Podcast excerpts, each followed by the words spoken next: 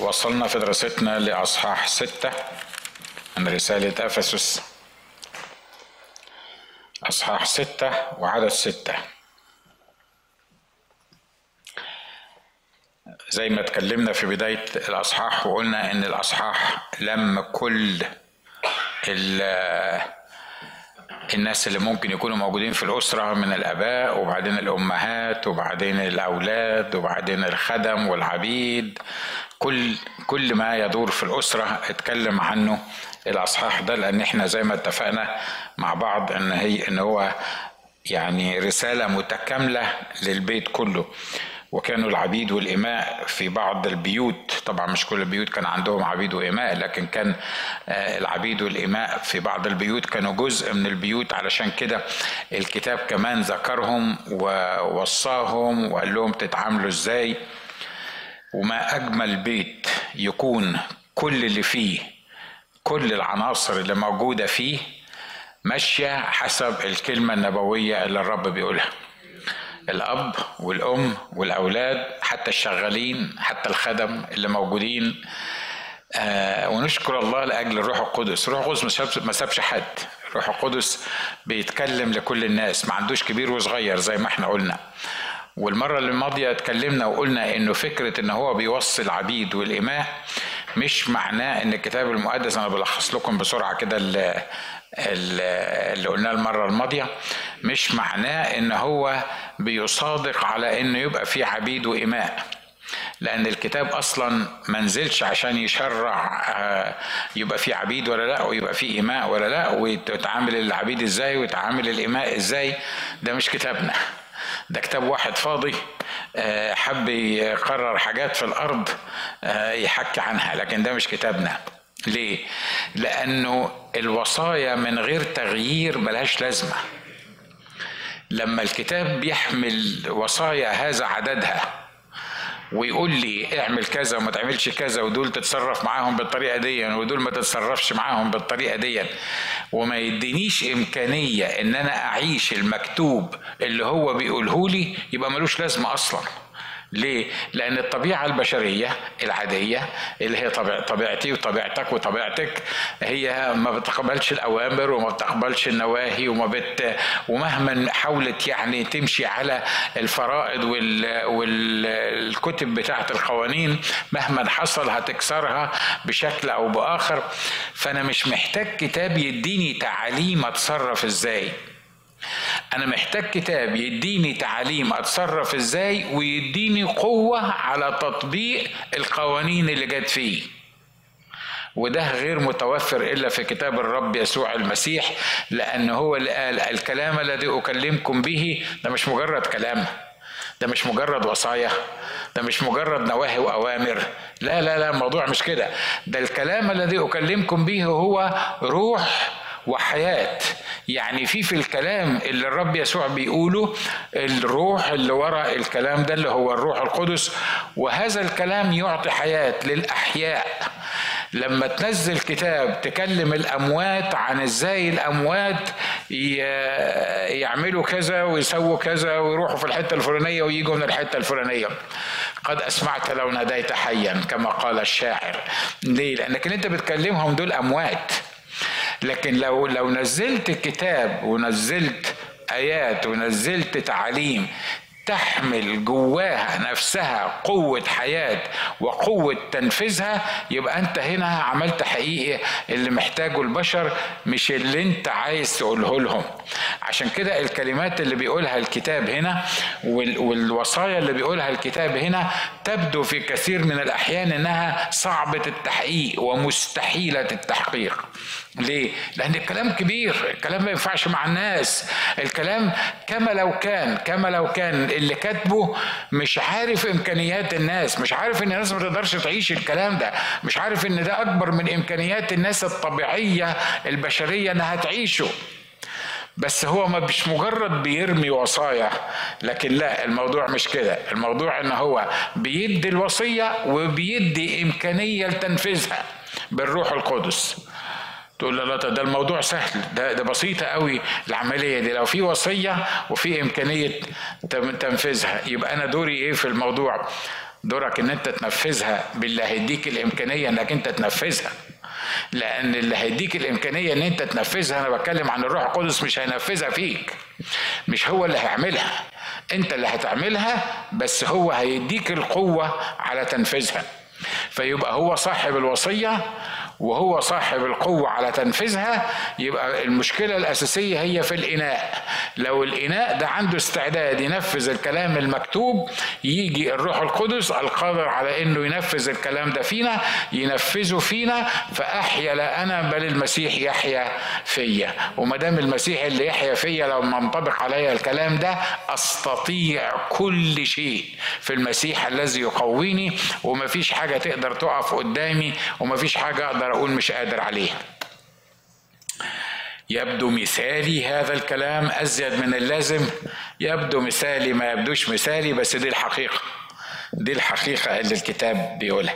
علشان كده هو وصل أولاد ووصل أباء ووصل أمهات وبعد كده بيوصي وصل عبيد كمان ووصى السادة على العبيد. وزي ما اتفقنا إن إن أنا وأنتوا ملناش سيد في الأرض. إحنا ما ينفعش تقول لواحد سيدي ولا سيدنا ولا ما ينفعش الكلام ده.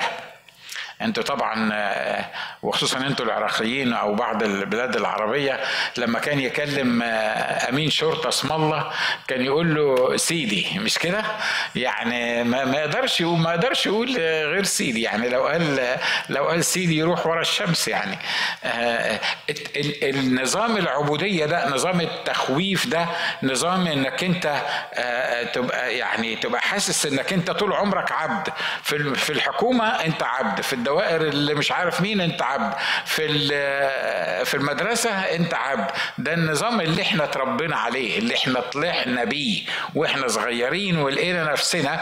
لأن ده ببساطة كده ده ال spirit of Islam الإسلام ال spirit of Islam هو اللي بيعمل عبيد من الناس. لأنه ما فيش آية في في, في عند ال spirit of Islam بتقول إن حرركم الإسلام فبالحقيقه تصيرون أحرار. لا الحقيقة ما فيش آية زي كده لأنه ما يقدرش يعمل كده. الوحيد اللي يقدر يعمل كده هو الشخص اللي خلقني اللي ضامن مستقبلي اللي ضامن حياتي القادر إن ما يخليش حد يلمسني. فعشان كده هو الوحيد بس اللي أنا من حقه أقول له سيدي وغيره مع لا سيد سواه مهما كانت الأمور. أمين. لا تقول لي ريس ولا تقول لي رتبة كنسية ولا تقول لي هو ايفر ليه؟ لأن لينا سيد واحد هو الشخص الرب يسوع المسيح. بيقول للعبيد أيها العبيد أطيعوا سادتكم حسب الجسد بخوف ورعده اتكلمنا في بالموضوع ده في بساطة قلوبكم كما للمسيح. وحكاية كمل المسيح دي اتكررت كتير في في في رسالة أفسس. أيها النساء أطيعوا رجالكم وأيها الرجال أحبوا نسائكم كما أحب المسيح الكنيسة. وأيها السادة تعاملوا مع العبيد بخوف وبكرر حكاية المسيح دي. أصل على فكرة الكتاب قال إن هو وهو المسيح قال عن نفسه كده أنا هو الحياة. فكل ما يصنع في الحياة related أو بيرجع back أو بيشاور على المسيح. فالقصة كلها بتاعته القصة كلها بتاعته. علشان كده ال ال الكتاب هنا لما في آيات كتيرة بيذكر الحكاية دي بيقول إن أنتوا آه، أطيعوا سادتكم حسب الجسد بخوف ورعدة في بساطة قلوبكم كما للمسيح. العظمة بتاعت الكلام الكتابي إنه ما بيقولش بس ما بيرميش وصايا. يعني كان ممكن في منتهى البساطة هو بيكلم عبيد والعبيد يعني هنعمل لهم إيه يعني؟ دول عبيد. أطيعوا سادتكم حسب الجسد بخوف ورعدة. لو واحد بيشرع لو أنا اللي بشرع الكلام ده كنت هكلم العبيد أقول لهم كده. يا عبيد أنتوا عبيد. انت ما تمتلكش حاجة في نفسك. انت أصلا في حد اشتراك. انت عبد. فأنت أيها العبد تطيع سادتكم حسب الجسد بخوف ورعدة. في الاسطوب وأحطها هنا. لكن خلي بالكم الروح القدس هنا بيقول إيه؟ في بساطة قلوبكم كما للمسيح. يعني زي ما بتخدموا المسيح تخدموا ساداتكم إيه ده؟ معقولة؟ تقول لي يعني يعني هو هو هنا بيقلل من من من مستوى العبيد ولا بيرفع من مستواهم؟ لا الحقيقة بيرفع مستواهم جدا، ليه؟ لأنه مش بيقول لهم أنتوا أنتوا لازم تطيعوا ساداتكم، أنتوا أنتوا لازم تتذلوا بساداتكم لما ساداتكم يذلوكم العنفاء منهم أنتوا برضو لازم تطيعوهم، ليه؟ لأنك ما تقدرش تعمل حاجة لأنك أنت عبد فهو اللي هيقول لك عليه غصب عنك لازم هتعمله، لا لو كان الكتاب مقدس وقف عند الحتة دي كانت الحياة بقيت بالنسبة للناس دي لا تطاق. ليه؟ لأن طبعا في سادة كويسين وكوي... أنا بتكلم على أيام ما كان في سادة وعبيد وزي ما اتفقنا المرة اللي فاتت لغاية دلوقتي في سادة وعبيد حتى لو ما كانوش بالفلوس لكن في حاجات كتيرة زي ما قال الكتاب سادنا سادة سواك بك وحدك نذكر يعني فخلي بالكم من, من إنه لو كان بس الفكرة هي إنك كعبد لازم تطيع سيدك ما كانوش قدروا يستحملوا لو انت بلاش سيد وعبيد لو انت في الشغل وعندك مدير مقرف مش عايز أقول مين كان في وقت من الاوقات عنده مدير مقرف معظم المديرين مقرفين مش كده؟ ليه؟ لأن يمكن يكون عليه ضغط ممكن يكون متخانق مع المدام الصبح وجاي متنرفز ممكن يكون آه، عايز يرضي الأكبر منه كلنا يعني بشكل أو بآخر تعرضنا للحكاية دي. فحتى أنا مش عبد لو أنا رايح الشغل النهارده والمدير بتاعي مقرف هيطلع عيني هيقرفني في عيشتي هيسودها في وشي. ياما ناس مش مش عايز أنا بتكلم على أمريكا مش بتكلم على مصر. لأن مصر أنت مش قادر تروح المدرسة عشان المدرسة اللي ماسكة العصاية الكبيرة. ده كان على أيامنا ما أعرفش دلوقتي في إيه بس متهيألي في المدارس العامة برضه ممكن تلاقيها. مدرسة ست فلانة والأستاذ فلان اللي, اللي قاعد مستنيك بالعصاية عشان يلطشك حتى لو ما اتكلمتش. ولما تكبر شوية آه، يعني آه، تلاقي نفسك خايف حتى تعدي الشارع من من أمين الشرطة ولا من آه، ما أعرفش عندكم اسمه إيه عسكري مثلا ولا ولا القصة دي. طبعا إحنا مش بنتكلم على الكبار لأن الكبار دول دول يرعبوك وأنت نايم وأنت بتحلم تحلم بيهم بالليل من غير ما تشوفهم ولا هتشوفهم طول عمرك. لكن لكن تحس إنك أنت في بلادنا تحس إنك مرموش على طول. صح الكلام ده ولا أنا بس ها صح. الكلام اللي أنا بقوله ده مش كده؟ السادة والعبيد حاجة ترعب حاجة ترعب. ده ده ده, ده سيد. يعني ما أقدرش أتكلم معاه. إحنا نشكر الله لأجل الروح القدس اللي كتب الكلام وبينفذه فينا. أنا ماليش سيد تاني غير واحد بس رب يسوع المسيح. خلصت. مش كده؟ no matter what الكتاب هنا بيقول يا جماعة وانت بتخدم سيدك اخدمه ببساطة القلب كما للمسيح. لو أنا ما بخدمش في شغلي زي ما كنت بقول لكم ولو أنا ما بخدمش الناس ولو أنا ما بخدمش حتى في الكنيسة كأني خادم للمسيح هيجيني صرع بعد بعد بعد بعد أول تعامل مع الناس. ليه؟ لأن الناس يجننوك. الناس يخلوك تفقد تركيزك يخلوك تفقد سيطرتك على نفسك يخلوك واقف قدام صح كده ولا أنا عايش في في حتة مختلفة عن الواقع اللي الحل الوحيد إنك تعرف تتعامل مع الناس وتعرف تتعامل مع أعدائك وتعرف تتعامل مع السادة مش بتوعك اللي هم فاكرين إن هم سادة موجودين في العالم إنك تتعامل كما إنك بتتعامل مع المسيح. ولما تتعامل مع المسيح المسيح هيدي لك قوة إنك تتعامل مع الناس دي والدايرة تتقفل. واضح اللي أنا عايز أقوله مش كده؟ فلما أنا بتعامل مع الناس دي مع السادة دول بيقول للعبيد وأنت بتتعامل مع سيدك؟ ما هو أنت ممكن تتعامل مع سيدك كواحد اشتراك سواء كان كويس أو وحش بس أنت آخرك عبد. فاللي هتعمله أي حاجة هتعملها بتعمله من منطلق إنك أنت عبد. فكعبد حياتك هتبقى مزربل حياتك هتبقى بؤس وشقاء. ليه؟ لأن سيدك مش هيرحمك. يعني سيدك مش هيقول لك آه، روح نام أنت وأنا هأكل نفس الليلة دي لا ما, ما, فيش. وإلا ما كانش خدك واشترى عبيد. فبيقول إن الحل الوحيد إنك تقدر تعيش في الوضع ده اللي انت عايش فيه انك تخدم المسيح. انك تخدم كما للمسيح وتنتظر مكافئتك من المسيح. وتنتظر التعامل الصح من المسيح. وتنسى الشخص اللي قدامك تماما. تقول لي ده انت مثالي قوي النهارده زيادة عن اللزوم. حد يقدر يعمل اللي انت بتقوله ده؟ حد يقدر أنا عايز أطمنك لو ما عملتش اللي أنت اللي أنا بقوله ده هتعيش مزربل وهتعيش في مشاكل. وهتعيش مش طايق نفسك ومش طايق شغلك. وكلنا بنتعرض لهذه الأمور. ومش عارف تتعامل مع الناس. ليه؟ لأن الوحيد الروح القدس اللي فيك ما يعرفش يتعامل إلا مع المسيح.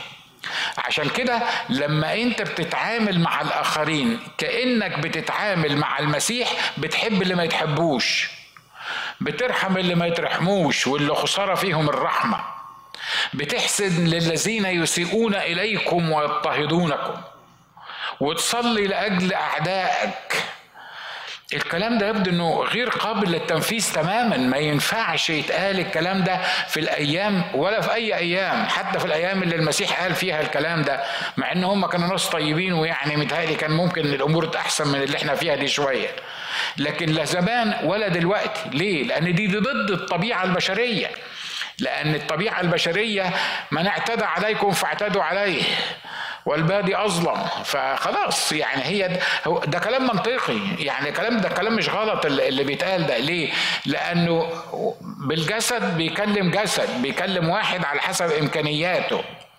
بيألف كتاب على حسب إمكانيات الناس اللي موجودين قدامه فبيطلب منهم اللي يقدروا يعملوه. لكن لأن هنا في إمكانية الروح القدس ان يساعدني ويخليني أعمل الحاجة اللي ما أقدرش أعملها فالله بيطلب مني ما يتناسب مع إمكانية الروح القدس مش مع إمكانيتي أنا. لأنه عارف إمكانيتي أنا في العالم لو أنا استخدمت إمكانيتي وقدراتي في العالم عشان أعمل بيها أي حاجة هتكون النتيجة ان هلبس في الحيط وهتبقى مشكلة وهعيش بكره نفسي. ليه؟ لأني مش قادر. أول امبارح وأنا ماشي في الكهون هنا كنت بقول بصراحة الكهون خلاص ما يتعش فيها. كده كفاية قوي لما جينا الكهون جديد يعني كانت هنا. إحنا نشكر الله ان الحتة اللي ساكنين فيها كلكم عارفينها فاحنا ما عندناش الزحمة اللي موجودة في مين ستريت مثلا ما عندناش الزحمة. يعني نشكر الله لاجل الحتة اللي إحنا آه، ساكنين فيها وهكذا صارت المسر أمامه. يعني إحنا عشنا في مصر كفاية فاني فيعني يعني عايشين في في الحتة دي. لكن النهارده انت بتقف في ال stop sign انت مش عارف الناس هتقف ولا ما تقفش. لأن الناس ما عندهاش استعداد تقف. لأن الناس زهقانة. ال signal light اللي قدام بيتنا يعني اللي بعيد شوية عن بيتنا ده اللي داخل من همشه على الشارع ما كناش بنقف فيه أكتر من ثلاث ثواني عشر ثواني بالكتير. ده لو وقفنا لو لقينا ال signal light حمراء دلوقتي ممكن تقف والتت حمراء وبعدين تولع خضراء وبعدين تولع حمراء تاني وحضرتك واقف مش قادر تخش الشارع بتاعكم. ليه؟ لأن الدنيا زحمت. لأن الدنيا زحمت ما بقيتش الدنيا خلاص مش مش زي الأول. مش كده ولا إيه؟ حتى الفيروسز. زمان الإنفلونزا كانت معروفة إنها إنفلونزا. خلاص أنت خدت إنفلونزا يقولوا لك اشرب مية دافية واشرب شوربة باين مش عارف كانوا بيقولوا إيه وشوية ليمون وتتدفى كده وإن شاء الله ثلاث أيام وصحتك ترجع.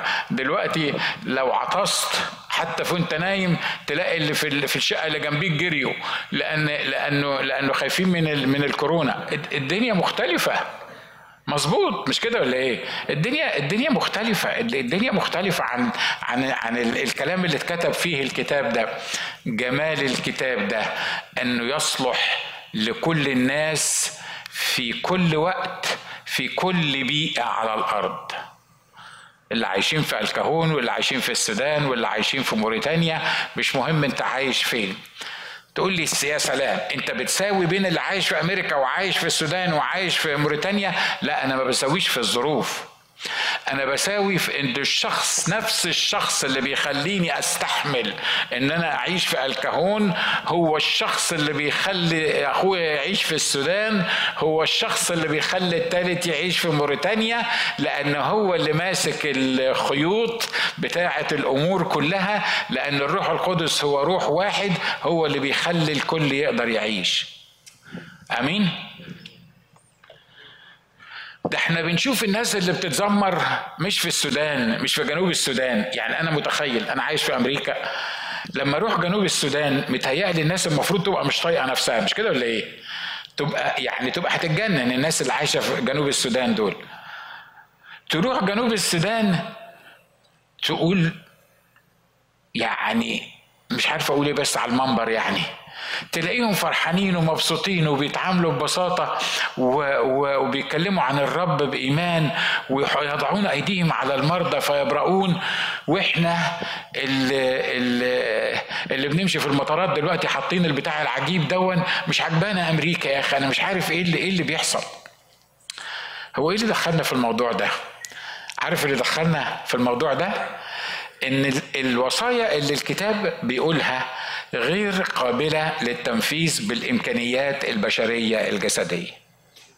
والحل الوحيد إن العبيد يعاملوا سادتهم طول ما هم عبيد زي ما قال الكتاب لو لقيت فرصة إنك تتحرر من العبودية بتاعتك وهنا بتكلم عن عبودية الجسد وزي ما اتفقنا المرة اللي فاتت مش مهم عبودية الجسد لأن عبودية الجسد دي لفترة معينة وهتخلص إن طولت وإن قصرت هتخلص.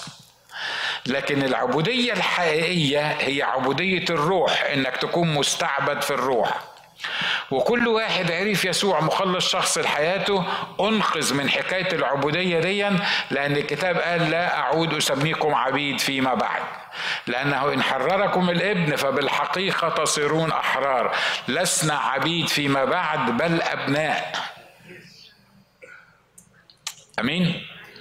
إيه. وبعد كده ما فيش وقت نتكلم لأن الأبناء ورثة ويعني و... أبناء نشكر الرب من أجلنا. بيقول لا بخدمة العين كمن يرضي الناس بل كعبيد المسيح. مرة تاني. عاملين مشيئة الله من القلب. بقول له يا, يا عبد أنت اللي بتشتغل. أنت مش بتشتغل زي ما بيقولوا على قد فلوسه على قد فلوسهم. على قد ما ما سيدي يستاهل قدامه تمشي تمام التمام. على فكرة ده مش بس على العبيد حتى في أشغالنا العادية. لو المدير واقف أو حد يعني صاحب الشغل واقف يمكن يعني تجري بعز ما معاك وتشتغل وتبقى نشيط وتمام التمام. ليه؟ أصله واقف أصله هيقرفني أصله هيخلي باله إن أنا ما اشتغلتش. لكن لو هو مش موجود يا عم ما فيش رقيب. يعني نستريح شوية. ده مش بس في في, في الأمور السادة والعبيد. ده أنا لما بيغيب عن عيني إن أنا واقف قدام سيدي الحقيقي أنا بعمل اللي أنا عايزه. مش كده ولا إيه؟ أنا بتكلم عليا على المؤمن على الخادم على ناجي. لو غاب عن عيني سيدي لحظة أعمل اللي أنا عايزه. ليه؟ لأن دي طبيعتي البشرية طبيعتي الإنسانية. معرفش قلت المرة اللي فاتت كده في مثل بيقول إحنا بنخاف ما نختشيش. اللي بيخاف ما يختشيش ده بيخاف. لما يشوف اللي هيقرص ودنه يخاف. مش كده ولا إيه؟ لكن لو هيقرص ودن ده مش موجود مش هيختشي زي ما بيقولوا على دمه ويعمل الحاجات الصح. ليه لأن طبيعتنا البشرية العادية بتخاف ما تختشيش. الرسول هنا بيعالج الأمور بالروح القدس الأمور الداخلية جوه العبيد. بقول لهم يا عبيد لما تخدم سيدك أنت بتخدم المسيح. وزي ما اتفقنا لو أنت عندك الأتيتيود ده وأنت بتخدم سيدك أنت بتخدم المسيح هتقدر تخدمه. وهتقدر تكمل في الخدمة بتاعته. وفي الوقت نفسه مش بخدمة العين مش لما يكون موجود مش لما يكون شايفك. لأن هو لو موجود في المحيط اللي يقدر يشوفك فيه هيشوفك لو مش موجود في المحيط ده مش هيشوفك. لكن في واحد تاني مش هو اللي في المحيط بتاعك أنت اللي في المحيط بتاعه على طول فهو شايفك ليل ونهار. عشان كده لو أنت بتخدم كما للمسيح فانت مش هتقدر تعمل الغلط. انت مش هتقدر ما تخدمش كما للمسيح مش هتقدر ت... ت... ت... ليه؟ لأنه هو عينيه شايفة على طول. لأن هو إحنا موجودين في المحيط بتاعه فما فيش مش هينام مش هينعس مش هيروح مشوار مش هيغفل شوية مش هيودي وشه الناحية التانية ويسيبني. لكن لأني أنا موجود في المحيط بتاعه وعينيه بتراقبني ليل ونهار فعشان كده لو أنا بخدم كما للمسيح يبقى سيدي موجود سيدي مش موجود طلب مني حاجة وهو شايفني ما طلبش مني حاجة وهو شايفني الموضوع ده كله أنا مش بتعامل مع إنسان أرضي أنا بتعامل مع يسوع المسيح. بس اللي أنت بتقوله ده أخ ناجي بصراحة ما بيحصلش ما بيحصلش أنت حر. لكن ده اللي الكتاب بيقوله إنه لازم يحصل. بعدين أخ ناجي اللي أنت بتقوله ده ده هيبقى مرهق جدا. ده هيبقى يعني مستحيل التنفيذ يعني. يعني أهو الواحد بيتنفس كده لما لما الراجل الرخم الغلس ده اللي, اللي مشغلني ولا الرئيس بتاعي يختفي شوية أهو الواحد يشم نفسه. عارف ليه؟ شم تشم نفسك وما تشمش نفسك؟ لأنك أنت بتشتغل له. أنت بتشتغل بخدمة العين. أنت بتشتغل لما يكون هو موجود. لكن لو كنت بتشتغل كما للرب هتشم نفسك على طول ما تبقاش محتاج مش مش محتاج فاكيشن ومش محتاج تستريح. لأنه هو بيراقبك وهو هو مش بيراقبك أنا بتكلم عن يسوع وهو بيراقبك مش بيراقبك عشان يمسك عليك الغلط. مش بيراقبك علشان يدي لك خمسة من عشرة ويقول لك انت ما عملتش الشغل اللي أنا قلت لك عليه زي ما عملت ويا ويلك لو ما عملتش الشغل زي ما أنا طالبه منك. ده مش يسوع. يسوع بيراقبك علشان يشجعك علشان يخلي يومك يعدي عشان يخلي الأسبوع يعدي عشان يخليك تشوف في الناس اللي ما تطقش الناس اللي ممكن تكونوا يكونوا مستعبدينك وبيتأكد معاك كما لو كانوا أسيادك عشان يخليك تستحمل المواقف دي. يبقى مين اللي كسبان في الآخر؟ مش سيدي. مش كده ولا إيه؟ لأن سيدي ده الأرضي لو أنا عبد سيدي الأرضي ده غصب عن عيني هخدمه وغصب عني هديله اللي هو عايزه لأن أنا عبد ما أقدرش أقول لأ لكن لما أخدمه كما بخدم المسيح المسيح هيديني قوة على إني أكمل مش هخش في موضوع انت بتخدمي جوزك إزاي ولا زوجك إزاي ولا ولا ولا انت بتخدم مراتك إزاي ولا ليه ولا القصة دي كلها. ولا يا عم إحنا إذا كنا مش عارفين نخدم بعض في البيوت انت هتكلمنا عن السادة وعلى العبيد. على فكرة الكلام ده بس ما ينطبقش على العلاقة بين السادة والعبيد. الكلام ده بينطبق على أي حاجة انت بتعملها في حياتك مع أي حد حواليك سواء كان في البيت أو بره البيت. آمين. موافقين على اللي أنا بقوله ده؟ بخ... لا بخدمة العين كمن يرضي الناس بل كع... ك... كعبيد المسيح عاملين مشيئة الله من القلب. إحنا ما عندناش المبدأ بتاع الأعمال وبالنيات ها؟ لكن خلي بالكم الله رجع الأمور لأصلها. القلب منه مخارج كل شيء. والقلب قال عنه الكتاب إنه أخدع من كل شيء وهو نجيس. بيقول يا جماعة الناس اللي قدامك ما تعرفش إنك أنت بتخدم من القلب ولا مش بيخدمش من القلب. أنا عارف إن في بعض يقول لك ده الراجل ده خدوم جدا بيخدم من قلبه. طبعا لأنه مشي معايا الميل التاني مثلا. لكن الحقيقة في معظم الأمور ما حدش بيعرف أنا بخدم من القلب ولا ما بخدمش من القلب. أنا ممكن أكون قرفان منك ومش عايز أجي لك ومش عايز أشوفك مش عايز أتعامل معاك لكن الظروف حطتني في في الوضع ده فأنا مضطر لما أشوفك ادي لك هج وأقول لك حبيبي ومش عارف مين ولكن الحقيقة مختلفة. يعني في حاجة تاني يعني الكلام اللي أنا بقوله ده مظبوط مش كده ولا إيه؟ ها؟ في يعني حاجات تاني في في في القلب. وفي القلب ما حدش يقدر يشوفه. ما حدش هيفتح قلبه ويشوف. الناس بتشوف الابتسامة والناس بتشوف الشكل والناس ب... ب... ب... بتشوف اللي بره.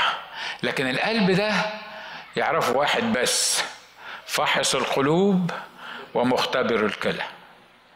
لك رب ما إحنا ماشيين الأمور اهو. ما إحنا ما إحنا إحنا بنتعامل اهو مع بعض ومعاملة كويسة. ما يهمنيش انت بتتعامل إزاي. ما يهمنيش بتتعامل إزاي في شغلك. أنا يهمني قلبك شكله إيه. ما يهمنيش إن أنت تبتسم في وش واحد ولا ما تبتسمش في وشه. أمينة هي جروحات المحب وغشة هي قبلات العدو. الموضوع كله لازم يرجع للقلب. عشان كده بيقول لك لما تخدم الرب تخدمه من القلب ولما تخدم سيدك في الأرض تخدمه من القلب. ولما تخدم في الوظيفة بتاعتك اللي انت بتخدمها تخدمها لا كمن يرضي الناس لكن من القلب. خلينا ناخد دقيقتين اتنين بس عن عملية إرضاء الناس دي طب إحنا فهمنا إن الطبيعة الإنسانية بتحاول الواحد يرضي غيره وده يرضي ده وده والدنيا ماشية وحاجات من كده. لكن هل بيحصل الكلام ده في الكنيسة؟ في يعني يعني إرضاء الناس ده ممكن يحصل في الكنيسة؟ الرسول بولس حذر في أكتر من مكان من الموضوع ده. قال إن كنت أرضي الناس خلي بالكم مش أرضي الناس معناه أنا ممكن أمشي الطش في الناس. لا عايز يقول لو كنت أعمل اللي عايزينه الناس حتى لو كان اللي عايزينه الناس ده يخالف للي عايزه المسيح يخالف للي الروح القدس بيقول عليه يخالف للتعاليم الكتابية بس أنا لازم أرضي الناس. أنا بتكلم عن عن الخدام دلوقتي فأنا بتكلم عني قصدي يعني الوعاظ أو يعني لأن إحنا كلنا خدام أنا عارف إحنا كلنا خدام. أنت النهاردة بتحاول ترضي الناس ليه؟ أنت كخادم أنت واحد واقف بتتكلم أهو. أنت بتحاول ترضي الناس ليه؟ في حاجة من الاتنين. يا إما بترضي الناس لأنك بترضي نفسك لأن الناس دول جزء من الجسد جسد المسيح. فأنت لما بترضي أخوك وبتتعامل صح مع أخوك فأنت بترضي نفسك وبتتعامل مع مع جسدك بطريقة مظبوطة. وبتعمل كده لأن دي وصية كتابية. يا إما أنت بترضي الناس لأن عندك أهداف خاصة. وده اللي بيحصل في أوقات كتيرة ومرات كتيرة. عشان كده لما تكون أنت مركز في إرضاء الناس لازم يبقى عندك ميزانين. ميزان. عارفين الميزان؟ توزن بيه. فلان وفلان دمهم تقيل. أنا ما بكلمش عن أي حاجة ولا أي حد ولا أي موضوع. إنما لو عايز تاخده على نفسك أنت حر خد براحتك. ما عنديش أي مشاكل. لكن فلان وفلان وفلان دول دول أصحابي دول قريبين مني دول متعلمين دول آه، مش عارف مين. دول ليهم وضع خاص وإلا إذا كانوا زناجين زناجين بالعراق يعني أغنياء عشان بس ال ال لما درس الكتاب يتذاع على التلفزيون. وإلا إذا كانوا زناجين الزنجين يقعد في الصف الأولاني. زي ما أنتم شايفين كده الزناجين الثلاثة اللي قدامكم دول. ما أعرفش زناجين ولا لا بس بس نشكر الله من أجلهم يعني. الزناجين يعمل desk في الكنيسة كبير يدفع فيه مش عارف قد إيه ويكتب عليه إن ال desk ده بتاع الشخص الفلاني. عارفين طبعا أنا بتكلم عليه مش كده؟ الزناجين كلمتهم مسموعة. ليه؟ لأنه لأنه غني. يعني لو إحنا النهارده آه، يعني خالفناه هتكون النتيجة إن هياخد بعضه ويمشي ولو خد بعضه ويمشي العطا هيقل والدخل هيقل فدي يعني مش هتنفع فاحنا لازم نعمل إيه؟ يعني لازم نطرطب على الناس دول اللي معاهم الفلوس والاغنياء علشان يا أخونا مش عشان حاجة عشان عمل الرب يمشي. أوعدك إن لو بتوزن ميزانين مع الناس بأي شكل من الأشكال هتكون النتيجة إن اللي هيمشي هيمشي وإنت هتندم طول عمرك على التعامل بالطريقة دي. أمال الكتاب هنا بيقول إيه؟ بيقول انت أصلا ما بتتعاملش مع الناس. سواء الناس دول كانوا في الشغل سواء الناس دول كانوا سادة سواء الناس دول كانوا عبيد سواء الناس دول كانوا في الكنيسة. أنا ما يهمنيش أنت أصلا أنت مين. ما يهمنيش أصلا أنت معاك قد إيه. حتى لو كنت أنا قسيس ومن حقي كقسيس إن الكنيسة تصرف عليا وإن الكنيسة تديني مرتب وإن الكنيسة تأكلني. ده حق الكتابي. نشكر الله. كون إن أنا ما بعملش كده ماليش فضل آه، دي أوامر إلهية من فوق وما بفتخرش بيها. ده أنا ماليش فضل فيها. لكن اللي أنا عايز أقوله إن النهارده أنا الكتاب بيقول هنا يا جماعة خلي بالكم أنت بتتعامل مع الله أنت بتتعامل مع المسيح مش بتتعامل مع الناس. آمين. فإرضاء الناس دي دي مصيبة كبيرة. أنا هخلص عند الموضوع ده لأن الموضوع ده شائك و وبصراحة يغيظ. مش كده ولا إيه؟ لا نكمل الآية عشان هي عشان هي ماشية في نفس الكلام. لأنه بيقول بعد كده خادمين بنية صالحة كما للرب ليس للناس. عالمين أن مهما عمل كل واحد من الخير فذلك يناله من الرب. عبدا كان أم حرا. يعني عايز يقول في منتهى البساطة مجاملة الناس ما تنفعش على حساب الحق. خلي بالكم من الكلام اللي أنا بقوله. تقول القسيس قال مجاملة الناس ما تنفعش. لا أنا ما قلتش كده. أنا قلت إيه؟ مجاملة الناس ما تنفعش على حساب الحق. بص للي جنبك كده قول له مجاملة الناس ما تنفعش على حساب الحق. ما تنفعش. ما تنفعش على حساب على حساب الحق. تبقى مجامل المفروض تبقى ظريف مع الناس مفيش مشاكل ومطلوبة ولازمة. لكن تجامل الناس على حساب الحق وتسيب الناس في كنيستك تخرف على حساب الحق لأنك ما تقدرش إنك ما تجاملش هنا يبقى في مشكلة كبيرة. مش كده ولا إيه؟ قريب لما كان عندنا حد حبيبي وبحبه فعلا ورجل الله ومهم جدا وفعلا رجل الله والرب بيستخدمه. لكن كنا عاملين معاه حديث. فهو بيتكلم قال حاجة أنا مش موافق عليها. بعضكم فاكر القصة دي. وهو بيتكلم من على المنبر وقفته وقلت له أنت عندي في الكنيسة؟ أه. وأنت بت يعني أنت كلكم كنتوا موجودين. لكن أنا مش موافق على اللي أنت بتقوله لأن اللي أنت بتقوله غلط. أنتوا واخدين بالكم من اللي الرب عايز يعمله معانا؟ تقول لي بس أخ ناجي دي طبيعة بشرية. طبعا واحد بتحبه وقريب منك يبقى غير اللي انت مش عايزين نقول ما بتحبوش بس مش قريب منك. الشيء الطبيعي على فكرة مش كل واحد فينا مدعو يبقى قريب من كل الناس. ماشي؟ عشان بس نبقى فاهمين يعني. مش كل واحد فينا مدعو عشان يبقى قريب من كل الناس. ومش عيب إن كل اتنين تلاتة أربعة خمسة يبقوا قريبين من بعض سواء كانوا بيتفاهموا مع بعض بطريقة معينة ليهم اهتمامات مشتركة مش عارف مين. بس العيب إن ابقى قريب من حد وبكره التاني أو قريب من حد ومش عايز أبقى قريب من التاني. دي ما دي, دي ما تجيش. فعشان كده الكتاب بيقول هنا وأنتوا بتتعاملوا مع بعض خلي بالكم خلي بالكم. أصل إحنا بنعمل الكل كما للرب. مفيش حاجة اسمها سواء كنت خادم سواء كنت أخ والخادم هو الأخ والاخ هو الخادم. مفيش حاجة اسمها فلان ده بحبه وفلان التاني ما بطيقوش. ليه؟ اصله رخم اصله غلس اصله مش كلجي أصله أصله. الكلام ده مش الكتاب ما بيقولش كده الكتاب ما بيقولش كده.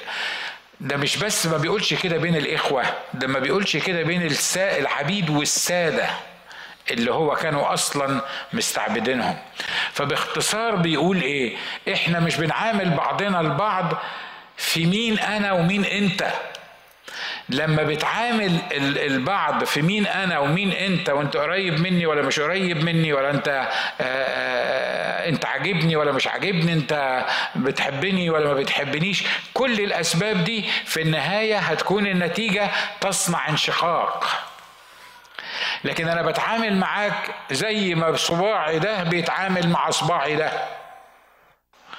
عمر صباعي ده ما حس إنه مش عايز يتعامل مع صباعي التاني. لأن لو حصل الصباعي ده ما اتعاملش مع الصباع التاني مش هستخدم إيدي كلها. مش كده ولا إيه؟ شفتوا صباعين بيتخانقوا مع بعض؟ يعني بي بي بي ما, ما, ما بتحصلش. مش كده ولا إيه؟ أنتوا حد مستفيد من اللي أنا بقوله ده؟ يا جماعة إخوة أخوات الكلام الكتابي اللي الرب بيقوله بيقوله بالروح القدس آخر حاجة أقولها لك من أجمل ما فيه إنه بيطلب منك المستحيل. أجمل ما في كتابنا أنه بيطلب من الإنسان المستحيل. ليه؟ عشان يعود فضل القوة لله مش ليا. عشان لما أنفذ المستحيل أبقى فاهم إن أنا بطبيعة البشرية ما أقدرش أعمل حاجة. أنا بنفذ المستحيل مش أنا اللي بنفذ المستحيل من نفسي أنا بنفذ المستحيل لأن جوايا الإله اللي يقدر ينفذ بيا المستحيل. عشان كده كل الوصايا الكتابية رغم إنها الناس بينتقدون عليها الناس بيقولوا الكلام اللي أنتوا بتقولوه في الكتاب ده مستحيل يحصل لأ بيحصل وهيحصل. وطول ما المسيح حي هيحصل لأن الروح القدس هو اللي بيدي الإمكانية لتنفيذ الكلام ده. فبيقول يا عبيد ما يهمكمش. رسول بولس في مكان تاني بيقول دعيت وانت عبد لو قدرت تتحرر استخدمها مفيش مشكلة. لكن وانت عبد انت أصلا ما تختلفش عن الحر. انت أصلا إحنا تحررنا إحنا الاثنين في المسيح. فالعبودية ما بقيتش عبودية الجسد العبودية الحقيقية هي العبودية لإبليس والسيستم الشيطاني. لكن إن حرركم الابن فبالحقيقة تصيرون أحرار. مفيش أحلى من الحريه مش كده؟ ها؟ صدقني. ولا المرتب الكبير ولا الدخل اللي مش عارف اللي شكله إيه ولا السيارات اللي إحنا بنركبها. إحنا إحنا حاسين إن إحنا أنت بتتنفس صح مش كده؟ أنت مش محتاج حد يقول لك يقول لك يا سيدي وخصوصا انت بس خلي بالك الكتاب بيقول يا جماعة أنا حررتكم. وانتوا بقيتوا حرين. هي مش موجودة في الإصحاح ده بس بيقول خلي بالكم لا تصيروا الحرية فرصة للجسد. ليه؟ لأن أنتوا أحرار في المسيح. أنتوا مش أحرار بس. أنتوا أحرار في المسيح. يبقى الليميت بتاعك اللي تقدر تستخدم فيه حريتك هو المسيح. فيما يتعلق بالمسيح. باللي جوه المسيح بتعاليم المسيح بإمكانيات المسيح. واضح اللي أنا عايز أقوله ها؟ أنت مش حر تعمل اللي أنت عايزه بأي شكل من الأشكال. لا الحرية الحقيقية هي إنك تكون في المسيح. ولما تبقى في المسيح أنت حر تعمل كل حاجة تعملها في المسيح. والروح القدس يفهمك إيه اللي في المسيح تقدر تعمله واللي في المسيح ما تقدرش تعمله. وضميرك اللي جواك بالروح القدس هيشهد ليك ويقول لك ده ينفع وده ما ينفعش. فمحدش من بره هيستعبدك ويقول لك تعمل كذا وما تعملش كذا وينفع ده ينفع وده ما ينفعش. خلاص اتحررنا. نشكر الله من كل ما هو قديم بشكل أو بآخر. لا لا تدين ولا غير تدين. لكن الحرية ما هياش حرية مطلقة بحيث إن أنا أعمل اللي أنا عايزه لو أنا اللي هعمل اللي أنا عايزه واكد لك دي العبودية الحقيقية إنك تعمل كل اللي أنت عايزه ليه؟ لأن العبودية الحقيقية هي إنك ما تعملش اللي المسيح عايزه. لكن لما تتحرك في إطار المسيح تبقى حر حقيقي. محدش يقدر يحكم عليك، مفيش حاجة تقدر تقف قدامك تبقى حر حقيقي. حر بقى نيمت تحط كده لستة من الحاجات اللي بتتحرر فيها. بتتحرر من كلام الناس بتتحرر من إرضاء الناس بطريقة مش مظبوطة. محدش بيبقى مستعبدك محدش يقدر يتكلم معاك لا يحكم عليكم أحد زي ما قلنا الاجتماع اللي فات من جهة عيد وهلاله وغيره وغيره وغيره. إحنا في المسيح أحرار. آمين؟ بص اللي جنبك قول له أنا حر في المسيح لأن أنا حر في المسيح. امين؟ أنا حر في المسيح. تعالوا نرنم وتعالوا نتغنى بالحرية. الحرية دي تساوي قد إيه يعني؟ تفتكروا إحنا ده أنا متهيألي لو قعدت يعني أسجد للمسيح من من دلوقتي لغاية عشرة مليون سنة مش هوفيه حقه مش كده ولا إيه؟ ها؟ إنه حررني من العبد من, من إني أكون عبد من السيد القاسي اللي اسمه إبليس. اذا لا شيء لإبليس فيا. إبليس ما يقدرش يستعبدني لأني حر في المسيح. مجدا للرب مجدا للرب.